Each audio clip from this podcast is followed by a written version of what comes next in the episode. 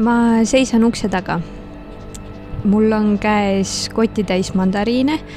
Ehm, valisin välja kõige ilusamad, kuigi valik ei olnud väga suur. ja ma tegelikult ei tea, kuidas need maitsevad, aga ma tundsin, et ma pean midagi kaasa võtma ja kuna on selline pühade aeg või selline talveaeg, et siis mandariinid eh, tundusid sobivat ehm, ma kõhklen selle korteri ukse taga, sest äh, kuigi see uks on selline ere-ere roheline, äh, briljantroheline, äh, siis sellel pole numbrit peal ja ma arvutasin küll, et see peaks olema korter number kaheksateist, aga ma pole päris kindel. aga sellest hoolimata tunne on õige. nii et ma mõtlen, kas ma koputan, aga siis mõtlen ümber, et öeldi ju astu sisse. nii et ma siis vajutan ukselingi alla ja astun tuppa. see tuba, mida ma näen, on äh, pisut hämar. miskipärast ma eeldasin, et see oleks väga valge, aga, aga ma pean silmi kissitama, et ära tunda, äh, kuhu sealt edasi saab ja, ja kuigi ma ei näe sellest korterist praegu väga palju ja ma ei ole seal varem olnud, siis äh, mul on tunne, et ma tegelikult olen seal varem olnud. ja ma tunnen, et kuskilt tuleb äh, kohvilõhna, mandarinilõhna ma ei tunne, nii et ilmselt oli hea otsus need ikkagi kaasa võtta. ma võtan oma jalanõud ära, panen oma jope kuskile tooli peale, eks ma pärast vaatan, kuhu see tegelikult minema peaks ja astun otse edasi. ja ma astun elutuppa. ma küll ei tea, et see on elutuba, aga mul on selline tunne, sest tõesti see korter on nii tuttav. et äh, nagu ma oleksin olnud siin varem, nagu ma mäletaksin seda äh,. elutoas on maas vaip, suur valge pehme vaip ja mu varbad natuke külmetavad, sellepärast et teekond oli pikk, nii et ma astun kohe selle vaiba peale, et saada natukenegi sooja. ja ma teen seda alati, et kui ma olen uues kohas, kuigi see koht on väga tuttav, siis ma ikkagi vaatan enda ümber. ma näen, et seina peal on kell, mis äh, seisab. see on väga kummaline, et et ta lihtsalt ei liigu edasi, aga ta on seal seinal, võib-olla on just patarei tühjaks saanud ja pole veel jõutud vahetada. Ehm, selles toas on tegelikult päris vähe asju, on üks raamaturiiul, mille peal on raamatud. ja, ja nende raamatute kõrval on mingid hästi imelikud asjad, võib-olla midagi, mis muidu võiksid olla juba ammu kuskil prügikastis, aga tühjad purgid, mille sees on mingid lõngajupid või, või väiksed helmed ja, ja e, merekarbid. aga mulle tundub, et on natukene ebaviisakas seda kõike liiga kauaks vaatama jääda. see diivan, mis seal toas on, see on e, ka erkroheline, nagu see ukski oli aga praegu mulle meeldib see vaip palju rohkem, sest see on peh-, nii pehme. ja, ja mul on tunne, et, et selle diivani asemel ma peaksin hoopis sinna vaiba peale maha istuma. ja selle vaiba peal on ka üks äh, laud, millel on kommipaberid hästi palju on neid kommipabereid seal ja jällegi seda kodusem see tundub, sellepärast et mina ka kogun enne kommipaberid kokku ühte kohta ja siis viskan nad korraga ära, mitte ei käi äh, iga kommipaberit eraldi ära viskamas. ja kuna see vaip tõesti tundub praegu väga mõnus ja õige paik, kus olla, siis ma äh, asetan oma kaasa võetud mandariinid lauale ja istun maha äh,, jäädes ootama mm, peremeest või naist kellega saaks jutustama hakata. nüüd, kui me oleme siis jõudnud kõik siiasamasse ruumi, tuleks võib-olla mainida, et, et see tänane episood on siis inspireeritud Paide teatri lavastusest Oaas, aga tegemist ei, ei ole päris sellise tavalise analüüsiva episoodiga või, või kuidagi eh, arvustava või kritiseeriva episoodiga, vaid eh, pigem selline kulgemine sellest eh, lavastusest saadud impulsi najal siis. ja, ja loodetavasti kõik need, kes seda lavastust nägid, jätkavad siis meiega seda järelkaja täna meid siin siis kuulates ja, ja meiega kaasa mõeldes ja tähtis on ka mainida, et äh, inspiratsiooniks on Paide teater üldiselt äh, või vähemalt nende eelmine hooaeg, äh, mis keskendus mälule ja mille, mille järel ilmus ka mäluraamat, kus nad siis omal moel võtsid selle hooaja kokku ja osutasid neile teemadele või, või mäluga tegelemise eri külgedele. ja samuti ka see, mida tegijad ise on rõhutanud ja korrutanud, et teater kui kohtumispaik, mis on küll võib-olla universaalne tõdemus, aga Paide teatri mm, puhul väga tähtis. ja Oasi kohta veel nii palju, et et äh, see kõik on väga õigustatud, mida me teeme, sest äh, selle lavastuse moto on peata aeg, hüppa üle parda, keeruta. ja aja peatamisest räägime kohe täpsemalt, aga üle parda me hüppasime ja hüppasimegi siis nendesse lainetesse äh, või sellele lainele, mis, kus, mm, kuhu me jõudsime oaasis, oaasil, oaasis ja sellel me nüüd edasi-edasi ka äh, triivime ja keerutame hästi palju ümber selle lavastuse, aga ega võib-olla nii sisuliselt äh, sellest jah, ei räägi või vähemalt ei analüüsi seda, vaid pigem nendest, räägime nendest mõtetest, mis meil tekkisid. just, aga et äh, natukene siis saada Paide teatri lainele võib-olla, siis me oleme Eleriiniga mõlemad äh, ette valmistanud sellised kiired välkküsimused. E, et siis e, võib-olla ka natuke avada seda, mis vaatenurkadest me rääkima hakkame või kuidas me läheneme kogu asjale. ja ma siis küsin sult, Elerin, esimesena. ei ole õigeid ega valesid vastuseid. on, on siis kas üks või teine. nii, lahinguväli või udu? lahinguväli. Paide või Pariis? Paide tüvka või lavakas? oi ei tüvka. Edasi või tagasi? et edasi. teatrisaal või linn? linn. okei okay. oh,. kui keeruline oh, miks ma nõustusin sellega? nii, e, minu kord, e, minul on, ma ei tea, palju sinul küsimusi oli, minul on kuus. minul oli viis kõigest mm, -hmm. jah. sest miks mitte küsida kuus küsimust. Ja minu küsimusi ma natukene siis e, valmistan sind ette. E, nende vastuste analüüsimine võib osutuda katsumuseks, aga vastamine on igatahes oluline. niisiis, kas oled valmis? kas Carmen C-ga või K-ga? K-ga. kas viimane tants või esimest korda? esimest korda. kas Paide sümfoonia või kakofoonia? Paide sümfoonia. kas hunditund või tund und? hunditund. kas äh, laula või räägi mind magama? räägi mind magama. kas Paide kolm tuhat või neli tuhat? no tahaks öelda neli tuhat, aga vist peab ikka kolme tuhande peale jääma mm.. vot, nüüd oleme siis sooja saanud või tahad sa teha kohe juba mingi küsimuste lühianalüüs, vastuste lühianalüüsi ka, et, et mida siit järeldada saab? jaa, ehm, mulle tundub, et sa olid natukene ähm, hirmul vastates. Et see võib-olla suunas sinu vastuseid, aga, aga, aga muidu ei.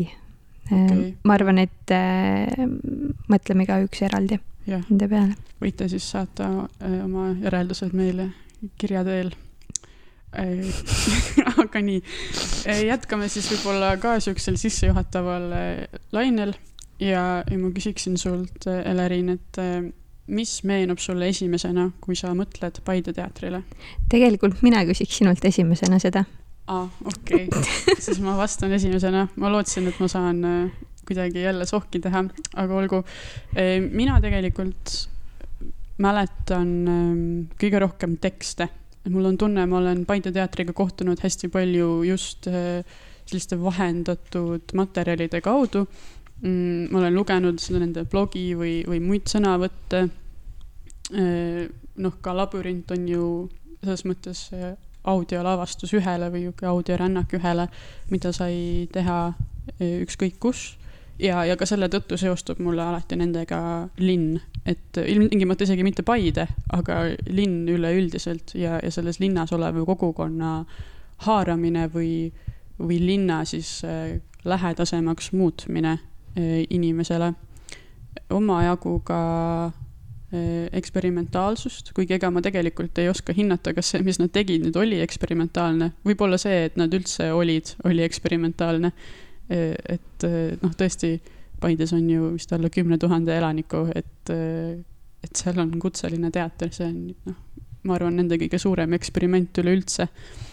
ja, ja ma arvan, et, et paratamatult oma nende meenutuste tulemusena ma pean jõudma järeldusele, et ma mõtlesin neist palju rohkem, kui ma seal tegelikult kohal käisin, mis ühest küljest on sellest nagu kahju, aga samas ma arvan, see on ka mingi oluline saavutus, et, et nad tõesti olid mul kogu aeg aktiivselt meeles ja, ja kui nad midagi tegid, siis isegi kui distantsilt, siis ma ikkagi elasin neile kaasa ja, ja nii palju, kui oli võimalik, proovisin siis just ka sellest mm, distantsi ärakasutamisest osa saada mm. -hmm siinkohal on vist ka oluline ära mainida, et sel hetkel, kui äh, teie seda osa kuulate, siis Paide teatri, ütleme siis esimene ajajärk on lõppenud. et praegu, kui me salvestame seda, siis oleme tegelikult selle lõpulävel ja Oasi paar etendust on veel jäänud, aga nüüdseks on või selleks hetkeks, kui teie kuulate, on olukord teine Äh, mina nõustun kõigi nende märksõnadega, nende mõtetega, äh, mis sa ütlesid. Äh, kui nüüd mingi selline konkreetne mälestus rääkida, siis mulle meenub esimene kohtumine Paide teatriga. kronoloogiliselt oli see küll Eesti jumalad, ma kontrollisin ka fakte, ma mäletasin, et asjad olid teisiti, et mulle tundus, et ma käisin kaitseala kaks punkt nulli vaatamas enne Eesti jumalaid, aga tegelikult oli vastupidi. nii et ikkagi ma räägiksin sellest kaitsealast, et kus ma siis kohtusin Paide teatriga Paides. Ja mis mulle sealt äh, meelde jäi, äh, oli see, kuidas äh, kogu trupp tervitas kõiki saabujaid, kogu publikut seal tervitati kättpidi või kallistati ja see oli hästi selline soe ja siiras vastuvõtt ja ma mõtlesin, et kui lahe võte, et niimoodi teha. aga hiljem selgus, et nii käibki Paide teatris. Äh, või oli siis minul nii palju õnne, et iga kord, kui ma käisin äh, äh, mõnda Paide teatri lavastust vaatamas, siis olid needsamad inimesed Paide teatrist kohal, selgelt ja kõlavalt tervitamas kõigi, kõiki saabujaid, eriti hästi ma mäletangi Jan Teeveti tervitusi, sest need kuidagi alati ehmatasid selles mõttes, et ma kuidagi ei, ei oodanud seda, et eh, olen harjunud minema anonüümsena eh, teatrisse ja seda anonüümsust hoidma, aga et seal kohe lõhuti see barjäär ära. Ja, ja jah, et just need Paide teatri inimesed olid, eh, kes siis toona meeskonnas olid, et see on ka aastate jooksul muutunud, aga nemad olid alati kohal ja seal olemas, ehk siis iga kohtumine Paide teatriga oli ka kohtumine nende inimestega mm. -hmm. aga mis meid äh, ühendab nüüd Karmeniga, ongi siis see, et tegelikult meil on sarnased kohtumised distantsilt olnud Paide teatriga ja me kohe räägime neist lähemalt, aga Äh, nende puhul ongi oluline välja tuua see, et kuidas see, noh, nimetagem siis seda kogukonna loomeks või siis mingisuguse üksilduse ennetamiseks või vältimiseks või mingisuguseks hoituseks või turvatundeks, et mis iganes see silt sellele kleepida. Ähm, äh, et see on Paide teatrile omane olnud ja, ja siis seda mitte ainult nendes teatrisaalides, vaid ka äh, mujal, ka üldisemalt kindlasti või noh, võib arvata, et ka teised teatrid tegelevad sellega mingil kujul. aga mina, minu kogemused on olnud Paide teatriga. ja kui tuuagi siis nüüd üks näide, siis ähm, räägin sellest äh, loona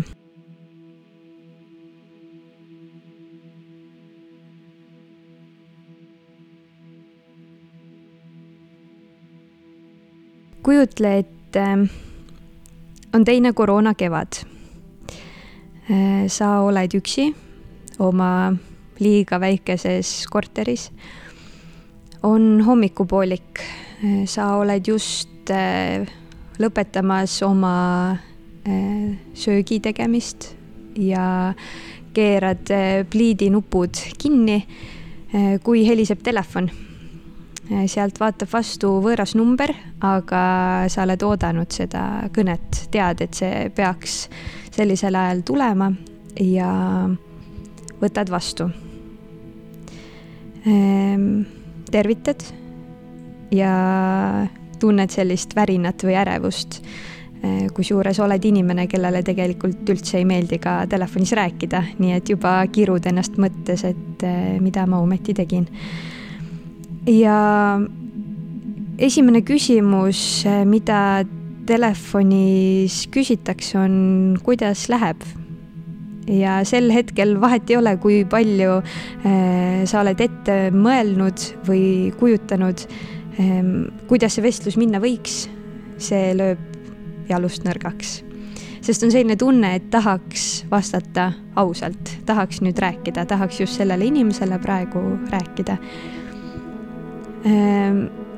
ja kujutle ette, et see vestlus lähebki käima. Ehm, sa räägid inimesega, kelle nime sa ei tea, ehm, keda sa ei ole kunagi kohanud, vähemalt mitte teadlikult.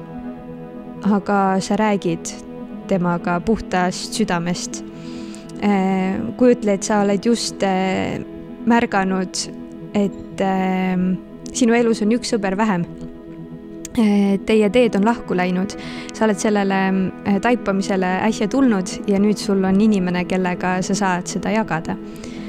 Eh, kujutle ette, sul tekib selle kõne ajal koduigatsus, mida sa ei ole tahtnud endale tunnistada, sa ei ole teadnudki, et selline asi võiks eksisteerida.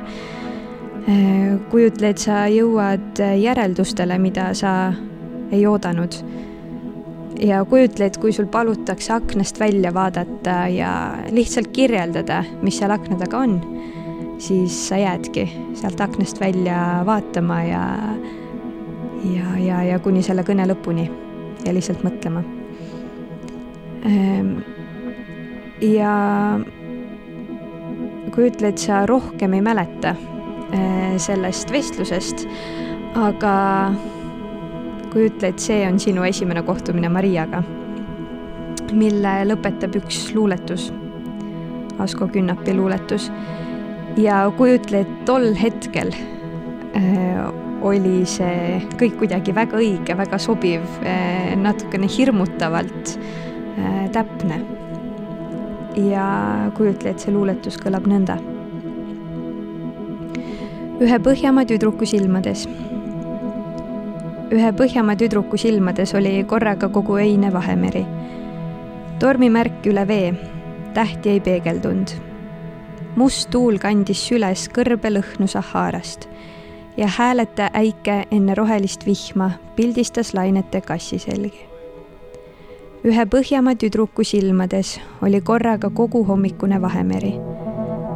terav akmariin valge helisev liiv ja pääsukeste varjud Kreeta kuumadel müüridel.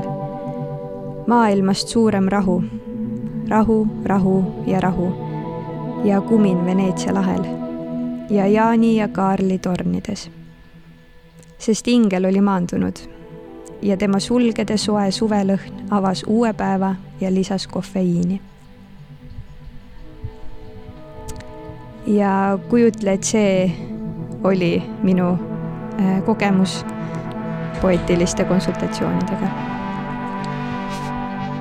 jaa, no nüüd seekord on hoopis õhtu. on natuke pärast kuut, nii et äh, päevased loengud on juba läbi saanud ja kuna on ikka veel seesama teine koroona kevad, siis sa istud oma köögis laua taga. See laud on äh, enam-vähem kaetud raamatute ja õpikutega, kuskil seal vahel on ka veel arvuti ja, ja mõned äh, pastakad on laiali. ja sina ootad ka telefonikõne. ja sa tead, et see kõne tuleb ja, ja kuna sa ei ole nii ammu võõrastega rääkinud, siis sa natuke ikkagi valmistasid ennast ette ja mõtlesid välja mingisugused teemad, millele, millele võib-olla ise siis tee viia või, või vähemalt loodad, et äkki kuidagi see tuleb äh, jutuks. aga siis, kui see telefon heliseb, siis äh, pea läheb ikkagi natuke tühjaks ja sa võtad vastu ja sult küsitakse, et kuidas sul läheb. ja tahaks vastata ka, et hästi läheb ja vastadki niimoodi, aga siis teed ühe pausi ja, ja ütled sinna otsa, et no võib-olla ei lähe ka, aga, aga üldiselt vist ikkagi läheb hästi ja, ja siis see jutt kuidagi läheb. päris täpselt sa ka enam ei mäleta, millest te rääkisite.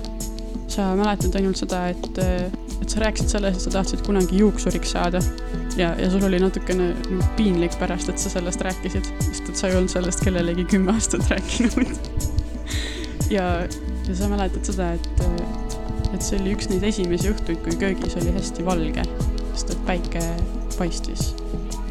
ja, ja sa istusid seal köögis ja vaatasid neid riiuleid ning äh, lõpuks tekkis ka tunne, et, et ma nüüd ei taha enam rääkida, et mul on nüüd hästi. ja umbes täpselt siis, kui see tunne kätte jõudis, loeti sulle üks Jüri Jüdi luuletus mul pole tõesti miskit kaevata. kõik tuleb kätte ilma vaevata. ja päikesetõus läheb aina varemaks ja maailm läheb aina paremaks ja taevas läheb üha selgemaks ja elu läheb üha helgemaks.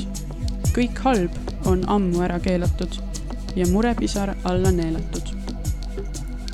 ja tolles hetkes tundus, et, et see luuletus võttiski kõik väga hästi kokku võib-olla kui hiljem sa hakkasid seda vaatama ka teise pilguga, aga, aga tolles hetkes oli see kõik äh, väga sobilik. ja, ja see oli sinu esimene kohtumine Johannesega. ja me oleme kohtunud ka linnadega, erinevate linnadega, aga samal mm, kuidas nimetada, on see meede või abivahend? Pole.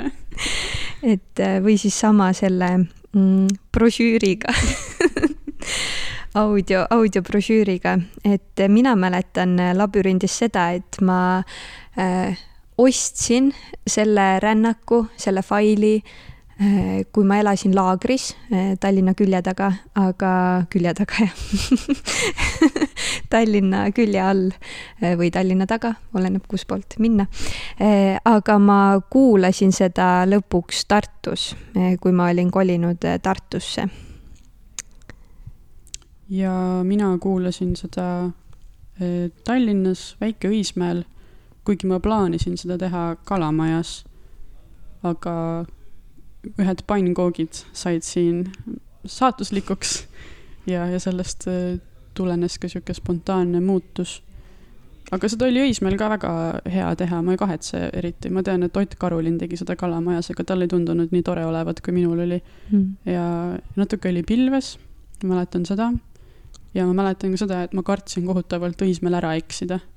sest mm. et mm. minu ainsad jalutuskäigud Õismäel tolle hetkeni olid lõppenud äraeksimisega mm mina mäletan, et linn oli päris tühi. Äh, ma kõndisin äh, kuskil seal Supilinna ja Karlova piiri peal.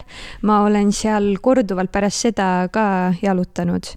sa kortsutad kulmu, kas supilinna ja Karlova piiri peal. nagu minu meelest üks algab ja siis teine. aa, nagu Tähtvere nagu... pool siis rohkem või? Võimalik, ma nii hästi Tartut ei tea, aga igatahes ma tean, et seal on nii, seal on, seal on nii supilinna kui ka seal on Karlovat. Äh, selle rännaku jooksul ma jõudsin igatahes neisse mõlemasse.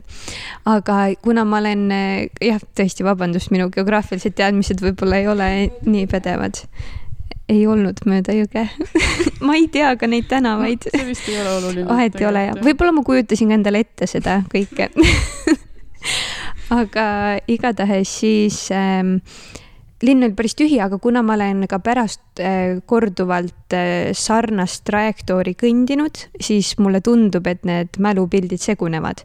ma tahaks öelda, et maas oli juba selline jäide või jää ja siis oli kiviklibu seal peal. aga samas ma ikkagi arvaks, et see oli rohkem sügis, et mitte varatalv, nii et ma ei tea, see võib äh, see, see, see mälupilt võib olla petlik. ma mäletan ka seda, et äh, kui labürindis oli koht, et tuleb selja taha vaadata äh, ja, ja siis, et seal pidavat olema keegi inimene, siis päriselt mu selja taga oligi inimene ja see oli päris kõhe mm.. mul oli ka selja taga inimene ja, ja ma mäletan, et, et kui ma ühte inimest jalutasin, siis jalutasin, jälitasin siis äh, see läks ka kuidagi nii hästi kokku, sest et ta vist läkski oma koju. ja, ja siis ma sain vaadata seda akent, kuhu ma arvasin, ta lõpuks jõuab ja, ja kuidas ta oma hommikust kohvi seal siis ikkagi lürbib. sest kell oli ka tolleks hetkeks juba kaksteist. ja, ja kui, äh, kui pidi äh, jooksma, siis mul oli hästi hea pikk sirge mööda parklat Eh, kus sain niimoodi mõnusalt minna ja, ja ma mõtlesin ka selle peale, et huvitav, kas keegi arvab, et midagi on juhtunud. Eh, sest et ma ei näinud üldse välja nagu tervisesportlane, aga et ma järsku hakkasin jooksma mm. -hmm ma mäletan, et see oli üsna selline eksistentsiaalne jalutuskäik, sellepärast need küsimused, mis küsiti ähm, ühest küljest olid need äh, selleks, et äh, salvestada see ruum enda ümber, et märgata neid kohti, aga teisest küljest üleüldse pani see mõtlema.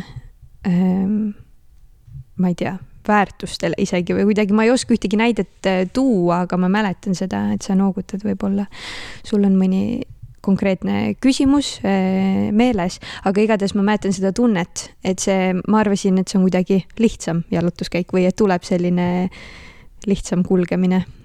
jah, mul ei ole ka ühtegi konkreetset küsimust meeles, ma mäletan seda, et ma lõpuks ikkagi eksisin ära nii nagu ma kartsin, aga äh, tegelikult ei olnud hullu, sest et too hetk äh, ma leidsin lõpuks oma tee jälle üles või ma, ma sain mm -hmm. aru, kus ma olin mm. -hmm. seda küll võib-olla hästi ootamatul kombel, et ma avastasin ennast kohast, kus ma lootsin, et ma ei satu, aga, aga jah, et pärast seda kuidagi,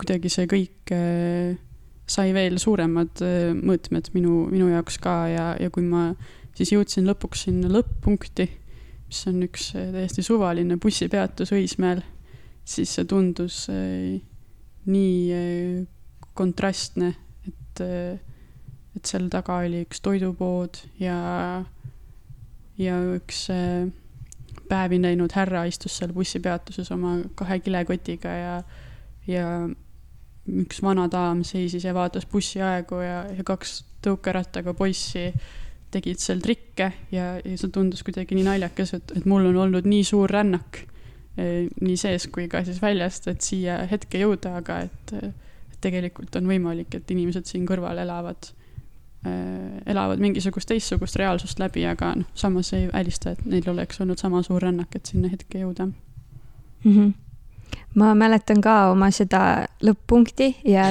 tegelikult nüüd praegu sind kuulates ma hakkasin mõtlema, et see pärast äh, osutus päris äh, tähtsaks või kuidagi märkimisväärseks lõpp-punktiks ka, mis mind äh, sidus Tartuga Ehm, aga eh, või noh, et lõpuks sai sellest eh, koht, kus ma eh, kohtusin päris põliste Tartu inimestega ja ma tundsin seda vahet põhja- ja lõunaeestlaste vahel, sest ma ise olen Põhja-Eestist pärit. ja see oli hästi ilus, aga toona ma seda ei teadnud aga see trajektoor on üsna hägune ja nüüd kuulates teie kommentaare, siis vist isegi ootamatult hägune, et kus ma kõik siis ära käisin. aga just, et ikkagi see lõpp-punkt jäi meelde. aga kui nüüd lõpp-punktide juurest liikuda algustesse, siis Elerin, kuidas algas sinu jaoks oaas kaunis üleminek, peab ütlema mm. nagu me oleks planeerinud seda ja eh, seda nüüd ei planeerinud, aga jaa, kuidas algas Oas. Eh, kõik Paide teatris käigud on olnud väga eriskummalised, ma olen vist üks kord eh, üldse siis nende aastate jooksul otse Paide teatrisse läinud autoga. et muidu ja, ja siis muidugi selle autoroolis ei olnud mina ka. aga muidu on ikkagi tulnud sellised vähemalt viieteisttunnised äh, reisid Paide teatrisse, et äh, jõuda siis, ah sellest ma vist tegelikult ühes osas rääkisin, ma ei hakka siis seda kordama. ma loodan, et kõik, kes äh, on siiani veel seda osa kuulama jäänud, on kuulanud ka neid eelmisi osasid.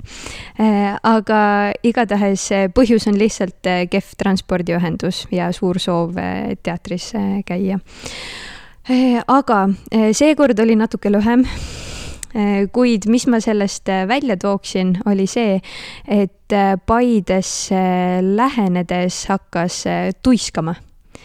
Hakkas väga pööraselt tuiskama, et kui enne oli olnud selline rahulik, jah, natukene sadas lund Tartus ja, ja oli selline mõnus talveilm, et siis mida lähemale me jõudsime Paidele, siis seda äh, Äh, tormilisemaks ilm muutus ja siis juba tekkis tunne, et nüüd me lähme paika, kus on midagi teistmoodi või kuidagi selline, et nagu läbisime selle lumemüüri, äh, et jõuda kuskile.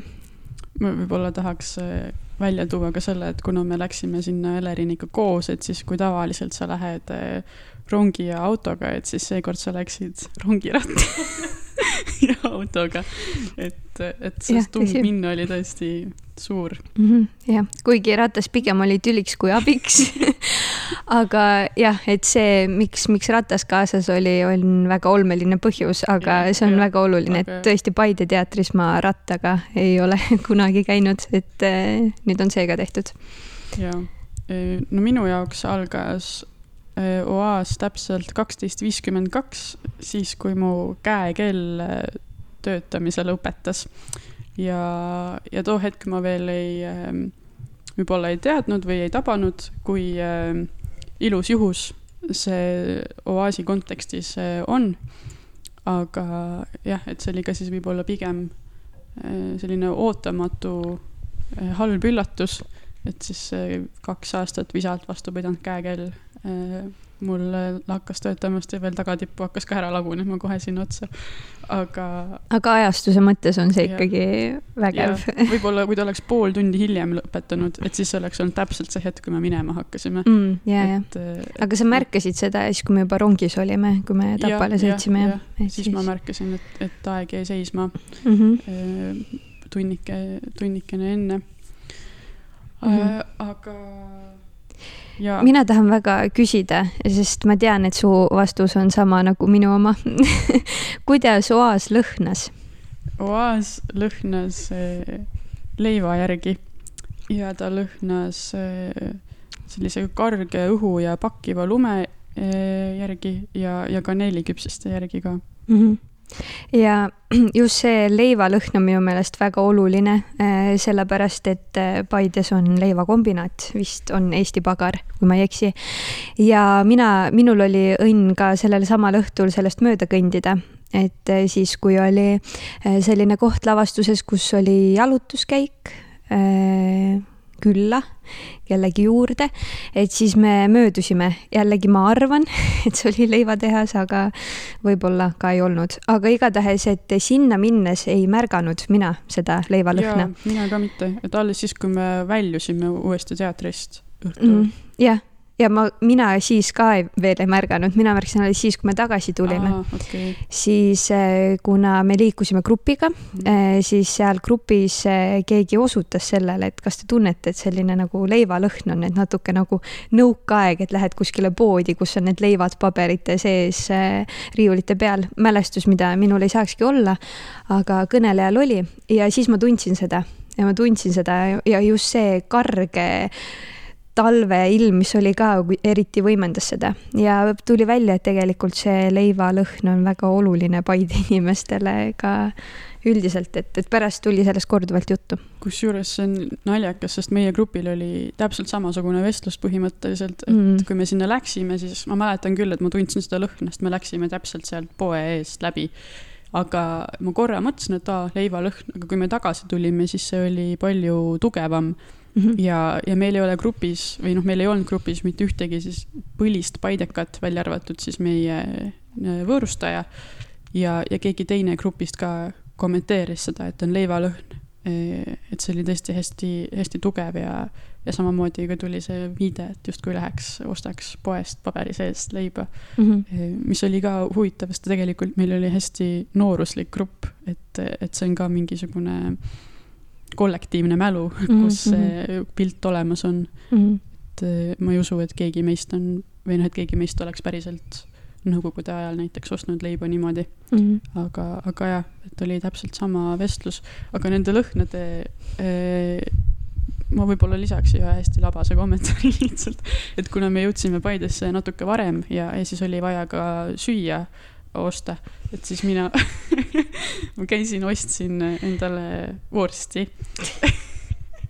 Ja, ja sellepärast äh, ma ei jõudnud seda ära süüa enne, kui ma see ei ole nüüd nii naljakas ka, kui ma teatrisse sisse jõudsin ja siis äh, ma käisin niimoodi ringi, et mul oli poolik vorstipakk kogu aeg kogu aeg kotis ja ma, ma ise tundsin seda lõhna nii tugevalt, et ma kartsin, et kõik teised ka tunnevad seda lõhna. sest et eh, kui me juba sinna sisse läksime, siis oli kohe sihuke tunne, et, et see kõik on juba siin alanud ja käinud enne seda, kui, kui mina kohale jõudsin, sest meid samamoodi ju tervitati, nii nagu tundub, et siis ikkagi Paide teatris eh, tavaks on ja, ja ma sellepärast ma ei julgenud ka oma vorsti lõpuni süüa. et, lihtsalt mulle tundus, et eh, kõikide nende pidulikult riietatud inimeste keskel oleks seda nagu kohatu teha aga, aga jah, et see lõhn saatis mind ka, väga olmeline atmosfäär oli. aga võib-olla, kui eh, siit edasi minna, siis kellega sa kohtusid Oasis?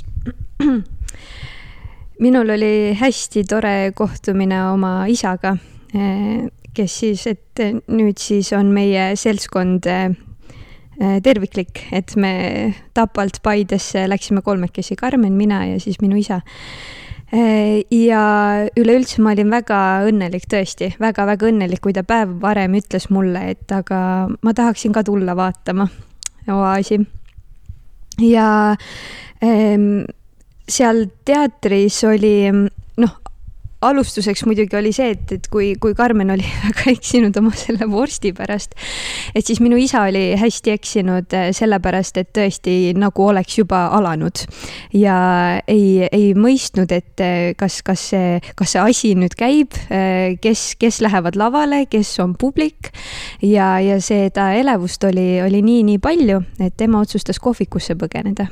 Kus ta sõi siis kahekäigulise õhtusöögi enne, enne teatrit, nagu ikka kombeks on, aga mitte siis vaheajal, aga enne teatrit.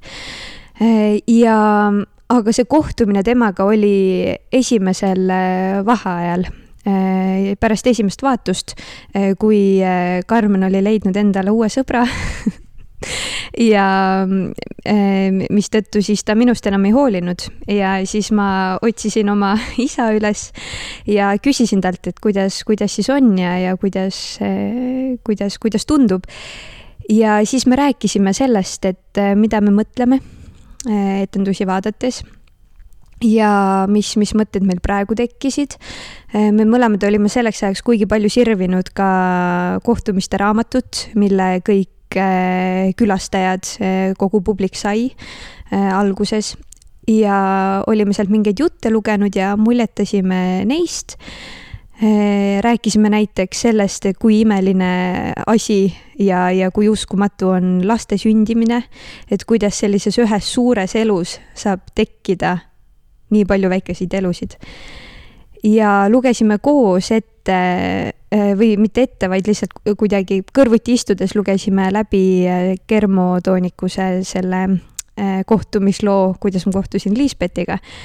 ja mõlemad mõtlesime, et see on ju nii tore lugu ja, ja rääkisime veel, mis me rääkisime selle Eurovisioonist ja et tõesti nagu, mis mõtteid meil tekkis äh, seda, seda vaadates, ega need üksikasjad ei olegi nii tähtsad, aga lihtsalt äh, kohtuda oma isaga sellises kontekstis äh, äh, sel põhjusel, sel ajahetkel, see oli selline hästi tore ja teistmoodi aga sina, kellega sa kohtusid? oi, mina kohtusin hästi paljude inimestega. ja mul on tunne, et ma kohtusin just kõige rohkem nende inimestega, kellega, keda ma olin varem ainult näinud, kellega mul ei olnudki päris sellist ametlikku kohtumist justkui olnud. Ja, ja vahet ei ole, võib-olla ma olin näinud kuskil konverentsil või siis hoopis laval või, või lihtsalt ka palju üksteisest möödunud ja tere või tšau öelnud, aga, aga kellega ma ei olnud kuidagi päriselt äh, rääkinud.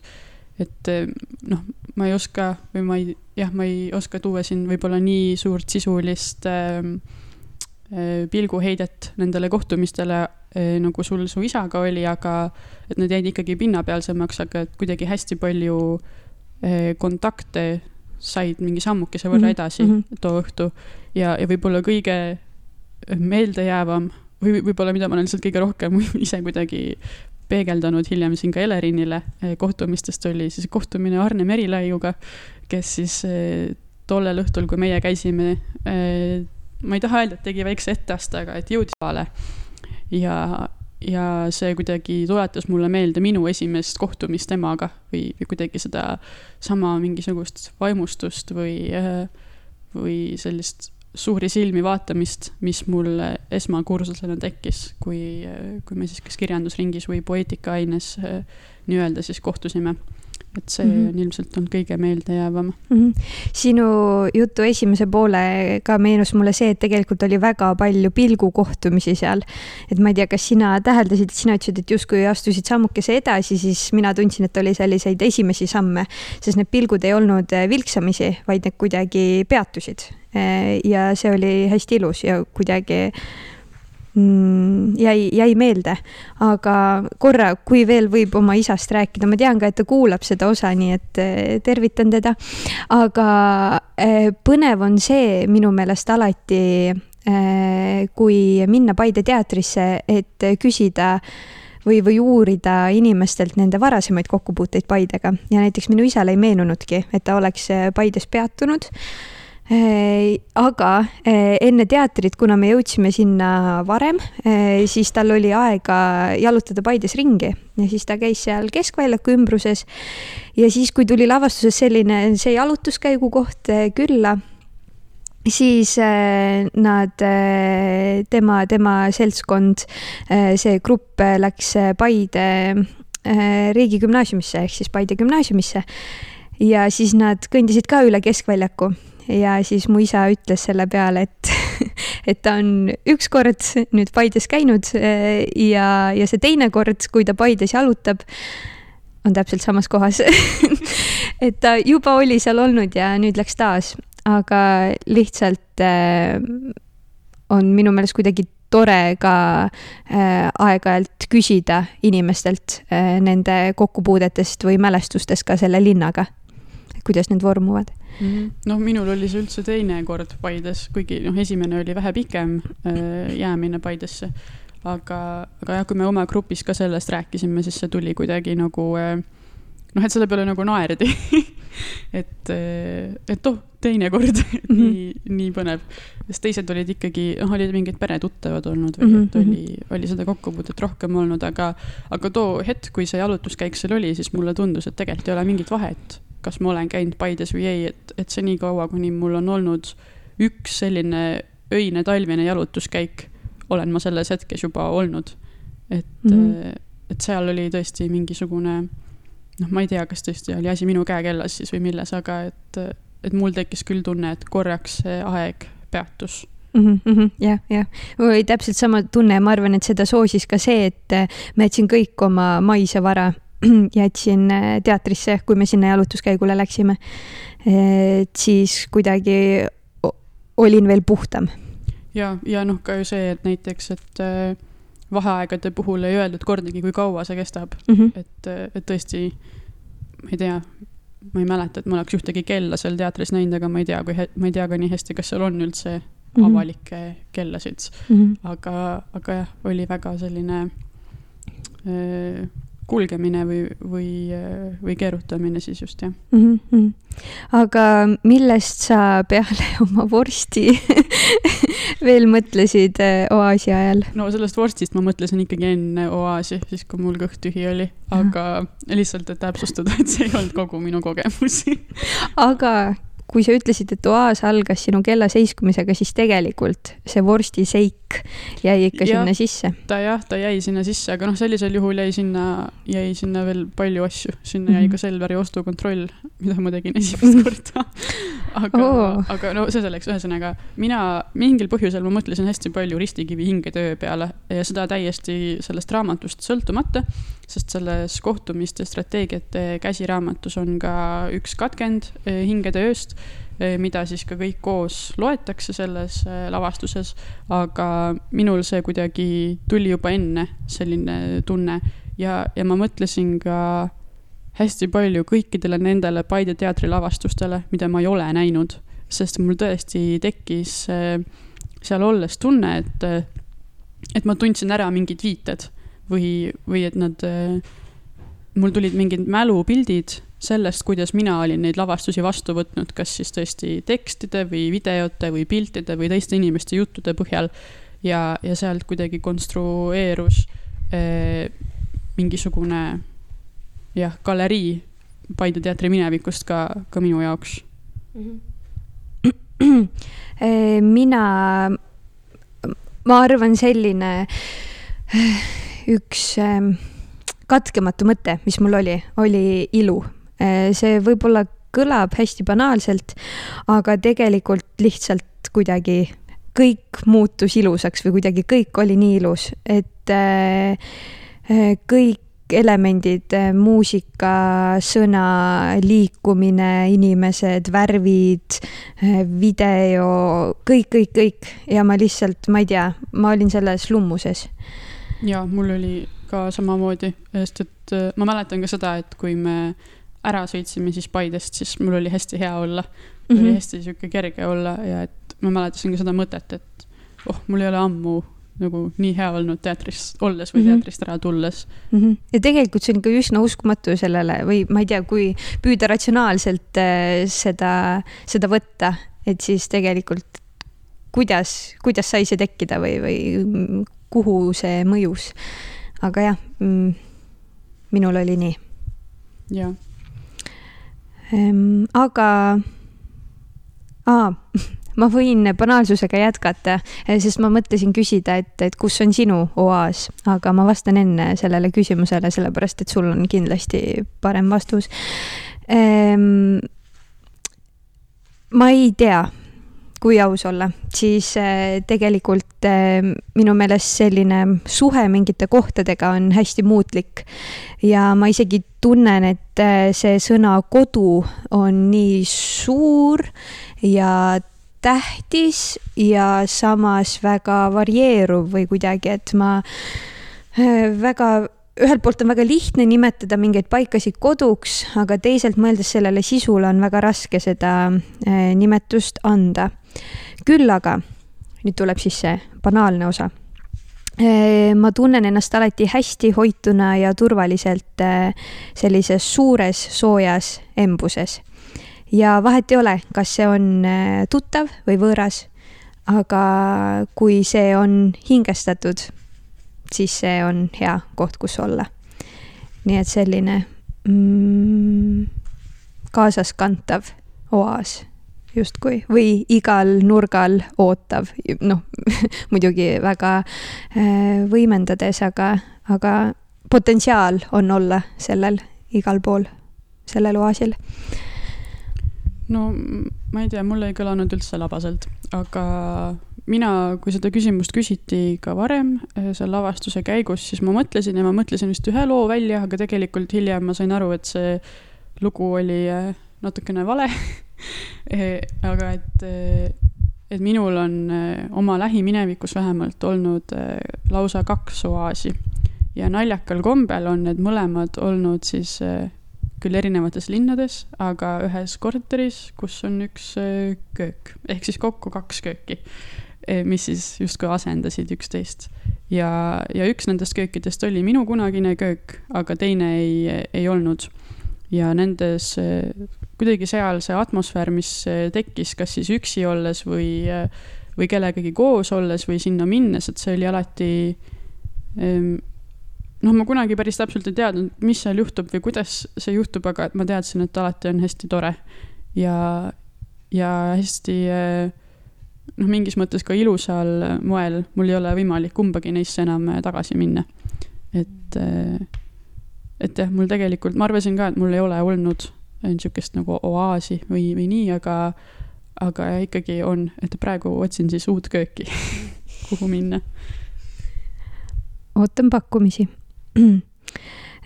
nii, aga nüüd vist võiks äkki lugeda midagi mm. -hmm ma võin alustada võib-olla siis, et kui siin juba. kas juhatad sisse ka ma selle kuidagi? juhatan sisse, sest võib-olla tuleb natuke ootamatult muidu, aga ah,.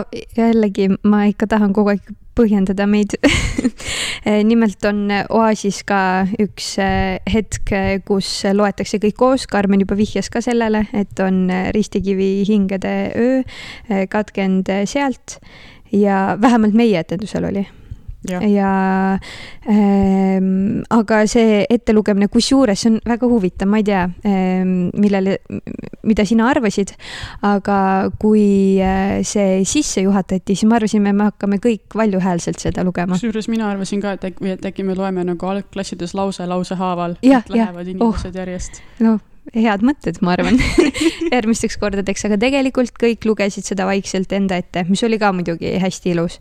aga siia me sellist äh, vaikuse hetke ei jäta vaid jätkame oma ja, mölaga et mina loen ette siis ühe väikese katke Maret Kärneri äh, siis kuulsatest ja kummalistest kohtumistest unenägudes. et võib-olla kuidagi eh, tuua siia siis sellist eh, fantastilist või müstilist elementi ka nendele muidu võrdlemisi argistele kohtumistele, millest me tegelikult oleme siiamaani rääkinud. Sergo Varesega käisime koos seenel. tema korjas ainult suuri säravpunaseid kärbseseeni, hiiglaslikku musta prügikotti ja kui ma küsisin, et miks ta kõik teised seened korjamata jätab, siis ta lihtsalt naeratas salapäraselt. mina korjasin männiriisikaid, mida on hea marineerida siis jõudsime metsast mingisse ruumi, kus oli laud ja sellel ajaleht, mille esikaanel oli suur artikkel Sergo Varesest. näitasin seda talle ja selle peale vastas tema, et ta pole üldse mitte Sergo Vares, hoopis Jaak Prints.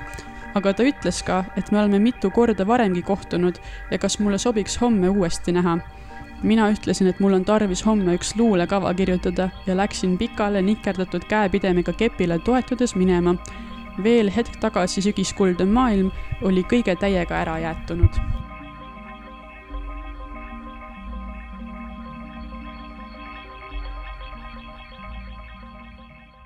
kas sa ütlesid, et see oli üks tema unenägudest? jah, ma vist mhm. ütlesin selle pealkirja. siis ma ei pannud eh, tähele, aga fantastiline tõesti mina loen eh, katkendi ja need eh, mõlemad siis pärinevad nendest kohtumiste strateegiad käsiraamatust, mille siis kõik külastajad said.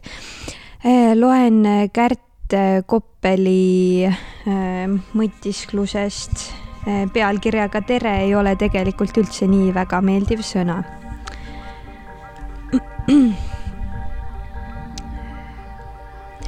kohtumise vältimine algab vast hetkel, kui teadvustatakse, et ruumis, olgu see reaalne või fiktiivne, piiritletud või piiritu, on keegi või miski, millega kokku puutuda ei soovita. mulle meeldib ette teada, kellega ma ühes või teises ruumis kohtuda võin see tähendab, et ma kammin läbi Facebooki üritustel osalejate nimekirjad, vaatan meilides läbi CC real asuvad meiliaadressid või kui korraldajaks on keegi lähedasem tuttav, uurin otse, millise kontingendiga pean tulles arvestama. olles ruumi jõudnud, üritan võimalikult kiiresti aru saada, kes seal veel on. loodan, et jõuan teisi kiiremini märgata kui nemad mind. see on peamine põhjus, miks mulle ei meeldi kohe sisenedes kõiki tervitada tervitades panen end haprasse olukorda, kuna järsku olen ma ruumis väga kohal. minu poole pöördub rohkem päid, kui ma registreerida suudan. nõnda jõuan ka nende inimeste reaalsusesse, kuhu ma jõuda ei sooviks. seetõttu eelistan teretada alles siis, kui olen ruumi jõudnud üle vaadata. sel juhul tean, kuhu vaadata, astuda ja osutada ning kuhu mitte lisaks määran kindlaks, kuidas liikuda ruumis nii, et minu ja välditava vahele jääks alati lisaks minu ehitatud kujutletavale seinale veel keegi või miski.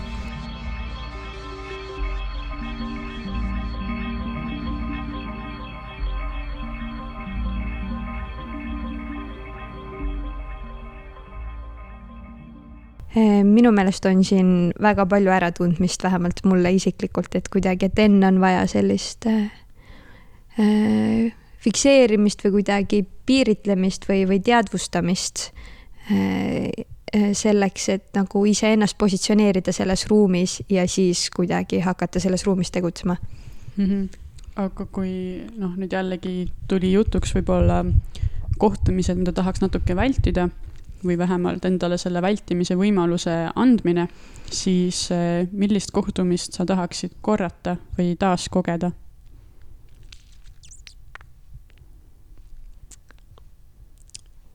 pikk paus, mõtlik jaa, paus. kandepaus, ma mõtlesin, et äh, ma arvan, minu vastus on see, et ma pole niivõrd nostalgiline inimene mm. -hmm.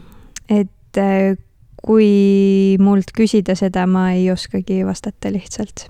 okei okay., jah, ma ka kuidagi jõudsin järeldusele, et, et neid kohtumisi inimestega ei ole väga palju, mida ma tahaksin korrata.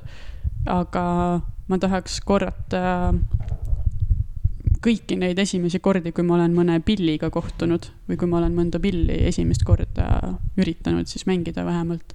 et, et selles hetkes on alati hästi palju avastamisrõõmu, hästi palju sellist noh, võib-olla saavutustahet isegi, enesele proovile panekut, aga, aga ka mingit kergust, et, et veel ei peagi välja tulema ja eriti naljakas on, kui ei tule välja, et mul oli üks sihuke, mul on elus olnud ainult üks torupillitund mis oli seal Tallinna vanalinna kül-, vanalinna külje all pargis suvel kuidagi hästi uljas oli kogu see olek seal ja, ja siis see oli, seda ma tahaks korrata, seda kohtumist torupilliga mm. -hmm mulle üks võib-olla sobiv vastus meenus, et millist kohtumist tahaks taas kogeda ja, ja mida, mida on ka võimalik taas kogeda mul, on eh, kohtumine muusikaga sel ajal, kui ma jooksen. Eh, kuna mina eh, kui ma tean, et on näiteks kellelgi uus plaat välja tulnud, siis ma esimesena seda kuulen, kuulan alati äh, joostes, kui ma lähen jooksma. siis panen selle taustaks mängima ja need hetked mulle väga meeldivad ja, ja nende taaskogemine iga kord on eriline. kas sa tahad küsida ka seda küsimust, millele me kumbki vastata ei oska? Ma ei tea, mis küsimus see on. aa, ei, sa mõtled seda. seda punast küsimust. ei seda ärme, ärme küsi, tegelikult see võib olla esimene kuulaja küsimus. võib-olla sellele ühele kuulajale, kes siia jäänud on Greta võib mõelda aga ma küsin siis jah, et sest ma ise pakkusin selle välja aga kumbki vastata ei taha. et kui sa saaksid valida ühe kohtumise, mis sulle igavesti meelde jääks aga kõik teised eh, kustuksid. Okay. siis millise sa valiksid? see jääb ka meile ilmselt eh, koju mõtlemiseks mm. -hmm. et siis äh, jah, kunagi, kui tuleb osa kaks mitte Oasist siis proovime vastata mm. -hmm. aga kui rääkida, kui rääkisime kohtumistest, mida me tahame korrata. Gretal on vastus olemas. kas sa tahad mikrisse öelda seda? Buratino tegutseb jälle, oli tema vastus. aus vastus. mulle tundub, et et mm -hmm. sealt saab kätte kõik, mis on eluks vaja. tõesti hea vastus. aga et siis millised kohtumised elus korduvad? Äh, sellega on mul kaks huvitavat lugu või noh, esiteks minul on näiteks selline mm, olukord pidevalt olnud, kui ma kohtun oma klassikaaslastega. et äh, siis need oleksid nagu uued kohtumised äh,, sellepärast et no näiteks mul oli põhikoolis oli nii, et ma alles üheksandas klassis äh, kohtusin päriselt ühe oma klassiõega, kes osutus väga lahedaks inimeseks. Aga enne ma kuidagi üldse ei olnud seda märganud, aga siis meil oli selline väljasõit, äh, kus me olime mitu päeva koos ja siis ta avanes mulle ja põhimõtteliselt paar päeva hiljem siis me lõpetasime põhikooli ära ja läksime erinevatesse klassidesse, et see on tohutult traagiline. aga näiteks keskkooli õpilastega, õpilastega, keskkooli klassikaaslastega äh, on mul nii olnud, et äh, kui ma olen neid pärast kooli lõpetamist näinud, siis äh, iga kord ma tunnen, et me alustame nullist sest esiteks ma ei mäleta, millal me viimati kohtusime. Eh, ehk siis ei ole sellist komakohta, kus me saaksime jätkata või noh, et oh, mis vahepeal on juhtunud. Eh, teiseks on see, et lihtsalt nii palju on muutunud selle aja jooksul, sest pärast keskkooli nagu tundub, et kõik lähevad omi radu ja, ja see võib ka, ma ei tea, iga mõne kuu tagant muutuda või iga aasta, et see elu kuidagi muutub hästi äh, kiireks ja, ja, ja, ja, ja põnevamaks või, või kuidagi jah, selliseks vaheldusrikkamaks. Ja kolmandaks on kindlasti minu häbiväärne omadus et mul ei püsi nimed hästi meeles. ehk siis tegelikult, kui ma näen oma klassikaaslast, siis ma pean alustama sellest, et mis su nimi on et ma tean, et ta on mu klassikaaslane, aga mulle ei meenu ta nimi ja see on väga piinlik, ma tean, aga senini on mulle andestatud. nii et ongi täpselt selline, et tegelikult ka noh, kuidagi selle kooliaja jooksul ei ole siis saanud äh, õieti nendega kohtuda või nii, et on ikkagi nagu see üks väga konkreetne situatsioon, kus sa neid näed. ja siis pärast kooli toimub selline avanemine ja nende, ma ei tea, elu, elutee ma ei tea, sillutamine ja nii ja siis on iga kord äh, sama kohtumine. aga sellest teisest asjast ma ei räägi, ma annan Karmenile ka sõna. ma lihtsalt, äh, mul tuli sellega meelde üks minu kunagine tuttav, kes, me kohtusime laagris temaga ja ta oli selline hästi popp-poiss nii-öelda, et ta kuidagi tõmbas lihtsalt inimesi endale ligi. aga tal oli ka väga halb nimede mälu ja siis, kuidas ta otsustas sellega tegeleda või sellest võitu saada või seda varjata, oli see, et, et ta läks iga kord, kui oli seltskonnas näiteks vähemalt üks inimene, kelle nime ta ei teadnud, aga mõni, kelle nime ta teadis, siis ta läks alati selle juurde, kelle nime ta kindlalt teadis ja tegi niimoodi naljaga pooleks, tere, kuidas sinu nimi on? ja siis ta tegi kõik, käis kõik inimesed niimoodi läbi et ta sai vestluse alguses kohe kuidagi ära kaardistada, et eh, kes Väga see siis tegelikult on, et võib-olla siin on veel inimesi, kes sellega, eh, selle käes piinlevad, aga minu meelest eh, on enamik esimesi kohtumisi inimestega väga sarnased.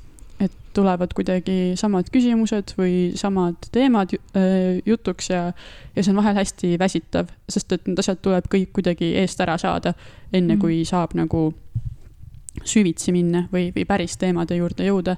ja, ja siis on hästi üllatav ja värskendav ja, ja ka väga elevust tekitav, kui on äh, inimesi, äh, kellega ei ole justkui seda esimest kohtumist kunagi mm., et äh, kohe tuleb kolmas kohtumine. et see on hästi tore ja, ja ma alati väga ootan ja, ja hindan siukseid mm -hmm. juhuseid mm. -hmm. ja, ja teine kohtumine, mis minu meelest alati kordub, on, on kohtumine võõrastega tänaval eriti minu meelest Tartus, kus ülikooli tunniplaanide tõttu tekib väga palju neid inimesi, keda sa näed alati samas kohas samal ajal. ja, ja kuidagi sa teadvustad nende kohalolu ja võib-olla isegi vahel ootad mm -hmm. nende kohalolu, aga, aga sa tegelikult kunagi ei, ei räägi nendega mm. -hmm. ja, ja nii nagu justkui see esimene kohtumine toimuks nagu kogu aeg uuesti ja uuesti. Mhm, ja mõnede inimestega minu meelest ongi see tunne sees, et see esimene kohtumine nagu olekski see kolmas kohtumine.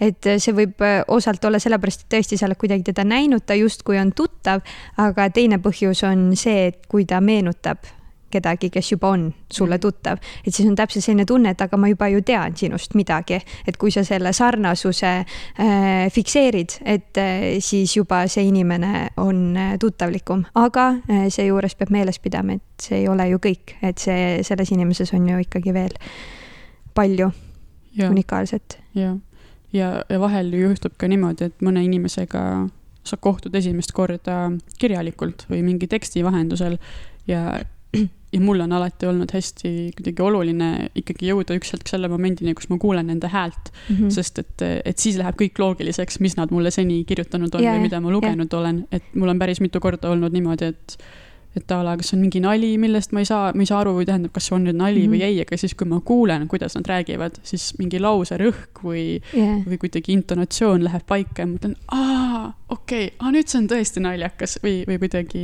Yeah. toimub mingi teistsugune äratundmine. jah, kuigi see võib ka vastupidine efekt olla, et näiteks kui äh, minul on olnud seda, et kui ma olen näinud kedagi tekstis ja näen päriselus ja räägin temaga päriselus või kohtun temaga päriselus, et siis need ei, seal on ebakõla seal on mingisugune hõõrdumine on sees, et minu see ettekujutus on olnud äh, teistsugune kui reaalsus. Need on mõlemad omamoodi põnevad, aga lihtsalt korraks tekib selline äh, mm, ma ei tea, hirm, et, et kuidagi, et ei klapi. ja, aga küsiks sult nüüd hoopis, et millist kohtumist sa igatsed? aa, äkki sa tahad enne vastata sellele? siis ma haagin võib-olla ma oskan haakida selle. Mina igatsen, ma panin küll ühe märksõna kirja, mida sa nägid mm. -hmm. millega sa võib-olla haakida tahad, aga ma vahepeal mõtlesin, et, et ma natuke igatsen ka sihukest kohtumist, mis ma tean, et, et see on esimene ja viimane. Ja, ja ma eriti igatsen seda Tartus olles, kus mulle tundub, et kõik inimesed, kellega ma Mhm. kohtun, on mõne mu tuttava tuttavad või, või ma olen neid kuskil juba näinud või me käisime mm kunagi samas lasteaias. et, et see on nagu väga, väga kuidagi suur tõenäosus on siin mm. -hmm. olles, et see kohtumine ei jää viimaseks mm. -hmm. aga ma väga tahaks, et oleks sihuke adrenaliin sealjuures mm. -hmm. et see on nüüd viimane või, või sellist, noh, ma panin siia märksõna, et sihuke nagu pöörast kohtumist, aga pöörast vist just selles mõttes, et, et see ei ole see esimene kohtumine, vaid et see esimene kohtumine on juba nagu kolmas ja nii et kuidagi seal ei ole mingisuguseid eh, kammitsevaid häbisid või, või komplekse või mm. -hmm. või midagi sellist. jah ehm,, täiesti nõustun ehm, täpselt minu igatsus, minu soov, aga just ka see minu meelest on hästi huvitav, et võib-olla, et see pöörasus oleks kahepoolne, et ma ise eh, tunnen ka, et tahaks sellist mingit nagu juhuslikkust, mingit spontaansust, aga ka just see, et ma kuidagi unustan ära, kes ma muidu olen, et olen ainult selles hetkes ja mitte, et ma teeskleksin või valetaksin, mitte seda, aga lihtsalt, et kuidagi see hetk looks minu.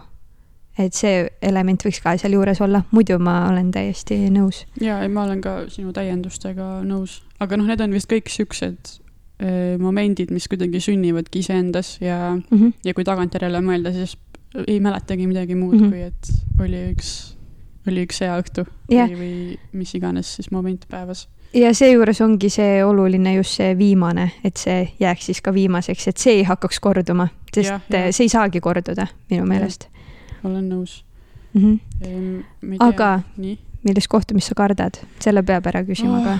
ma juba lootsin, et äkki sa ei küsi aga mina vist. teeme lühidalt. jah, ma vist kardan eh, iseendaga kohtumist, sest siin raamatus on ka üks väike mõtisklus sellel teemal ja, ja ma täitsa tundsin ennast ära. et ma ei tea, kuidas ma käituks või, või mida ma teeks Mm -hmm. ja seda ma natuke pelgan. mm. -hmm. Selles kohtumiste strateegia raamatus siis äh, Karmen osutas sellele sõrmega aga mina kardan kohtumist iga kord, kohtumist valikutega, sest ma olen otsustusvõimetu inimene. ja kui mina pean äh, langetama otsuse, siis see on üks hullemaid olukordi üldse. nii et see on pidev hirm, foobia, valikud. Nii, aga kas sa, kas sa räägiksid ka ühest kohtumisest teatris, nüüd me hakkame siin vaikselt lõpetama. et tulla Greta tagasi, tulla, tulla tagasi teatri juurde siis eh, kas sulle meenub mõni kohtumine teatris? ja, või tähendab, alguses ei meenunud üldse, aga siis ikkagi tuli meelde, sest nüüd see on juba nii kuidagi tavaline. aga mul on üks eh, sõber, kellega me kohtusime muusikakoolis ja tema kuidagi on alati olnud üks suur müsteerium minu jaoks, ma ei ole kunagi päris täpselt aru saanud, mis talle meeldib või millega ta tegeleb, et ta on muidu olnud sihuke noh, nagu spordipoiss natuke ikka ja ja siis üks, äh, ükskord hästi juhuslikult me läksime koos teatrisse ja see oli ka umbes niimoodi, et ma ütlesin, et mina lähen ja tegin nalja, et sinna on veel vabu kohti. ja siis ta ostis ka pileti. Ja, ja ma olin terve päev täielikus hämmingus, et ta oli nõus minuga tulema mingit neljatunnist Ivanovit vaatama. ja, ja ma kuidagi üldse ei eeldanud sellest midagi, aga, aga ta oli nii äh, uudishimulik ja nii avatud sellele et äh, pärast, kui me siis äh, koju sõitsime koos, siis me terve autotee rääkisime sellest lavastusest. ja see oli umbes vist pool tundi, äh, kogu see sõit kokku. ja, ja tõesti mulle tundus, et, et ma nagu kohtuksin temaga esimest korda seal teatris, et ta avanes täiesti kuidagi uue nurga alt ja et mul ei ole ka olnud erialakaaslaste seas inimesi, kellega ma vahel võib-olla nii kaua räägiks mõnest lavastusest. ja hiljem on ta mind noh, üha uuesti ja uuesti nagu üllatanud, eh, kui me oleme koos teatris käinud, et ta on näiteks suur balletifänn, mida ma kuidagi üldse ei eeldanud ka. Või võib-olla ei eeldanud ka sellepärast, et mina ei ole nii suur balletifänn, et siis kuidagi mõtlesin, ah, kui mina ei ole, et siis miks tema peaks olema, mis on muidugi hästi loll mõtteviis, aga aga ka nüüd, kui me käime koos vaatamas, siis tal on hästi põnevad ja täiesti teistsugused tähelepanekud kui, kui minul. et, et see on iga kord on nagu eh, mingi uus tahk avaneb temas mm. -hmm. sinu jutuga mul meenus see tegelikult, kuidas eh, ma ka ühe sõbraga, kellega me vist kunagi ei ole koos teatris käinud, aga ükskord, kuna ma teadsin, et tema käis vaatamas ähm, Tartu Uues Teatris Siili poomist ja mina läksin pärast äh, seda vaatama. et siis äh, ma helistasin talle pärast seda korda, kui mina olin ära vaadanud ja me rääkisime sellest ja rääkisime lõpuks vist tund aega sellest, aga et me olimegi koos selles hetkes äh, rääkisime muljetest ja mingisugustest tõlgendustest ja nii.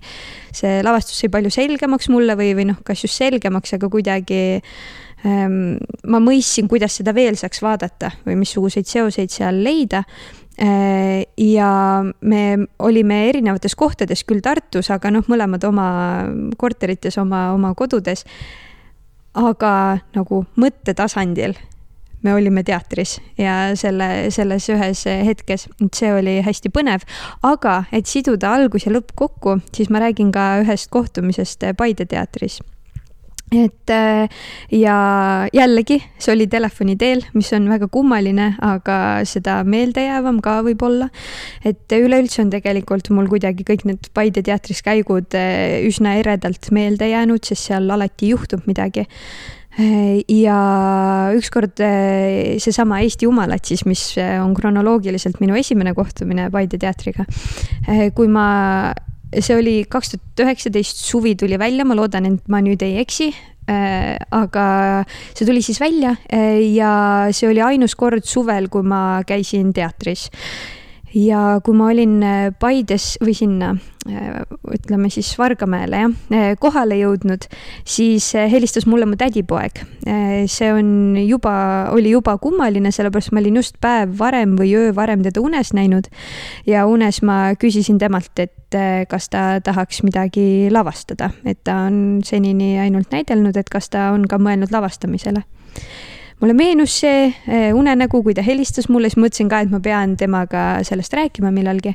siis ma võtsin kõne vastu ja siis ta ütles, et temal nüüd tuli mõte, et tema hakkab lavastama ja kas ma tahaks eh, temaga koos seda teha, ehk siis noh, selle projekti produtsendiks minna.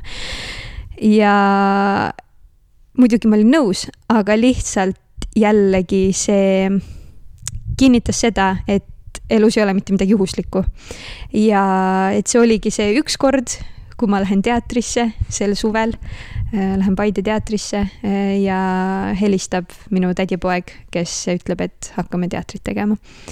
et selline kohtumine aga võib-olla siit äh, teatri tegemise mõtte pealt olekski hea esitada siis meie teine ja viimane kuulaja küsimus. ootame siis kõiki kirju Instagrami, Facebooki, meili peale, kuhu iganes. Et siis need kõige olulisemad kuulajad, kes siin meiega lõpuni jäänud on, saavad oma mõtteid avaldada. või kes lõpust alustasid kuulamist. jah, et siis aga et eh, milline teater tuleks luua kahekümne esimesel sajandil või millist teatrit siis on mõtet luua? see on sama küsimus, millega ka Paide teater on eh, tegelenud, aga võib-olla siit kuhugi või nende tegevusest siis veel kuhugi edasi minna. Või uues suunas, uus suund valida mõelgem. aga jäägu seda osa lõpetama pidu. aitäh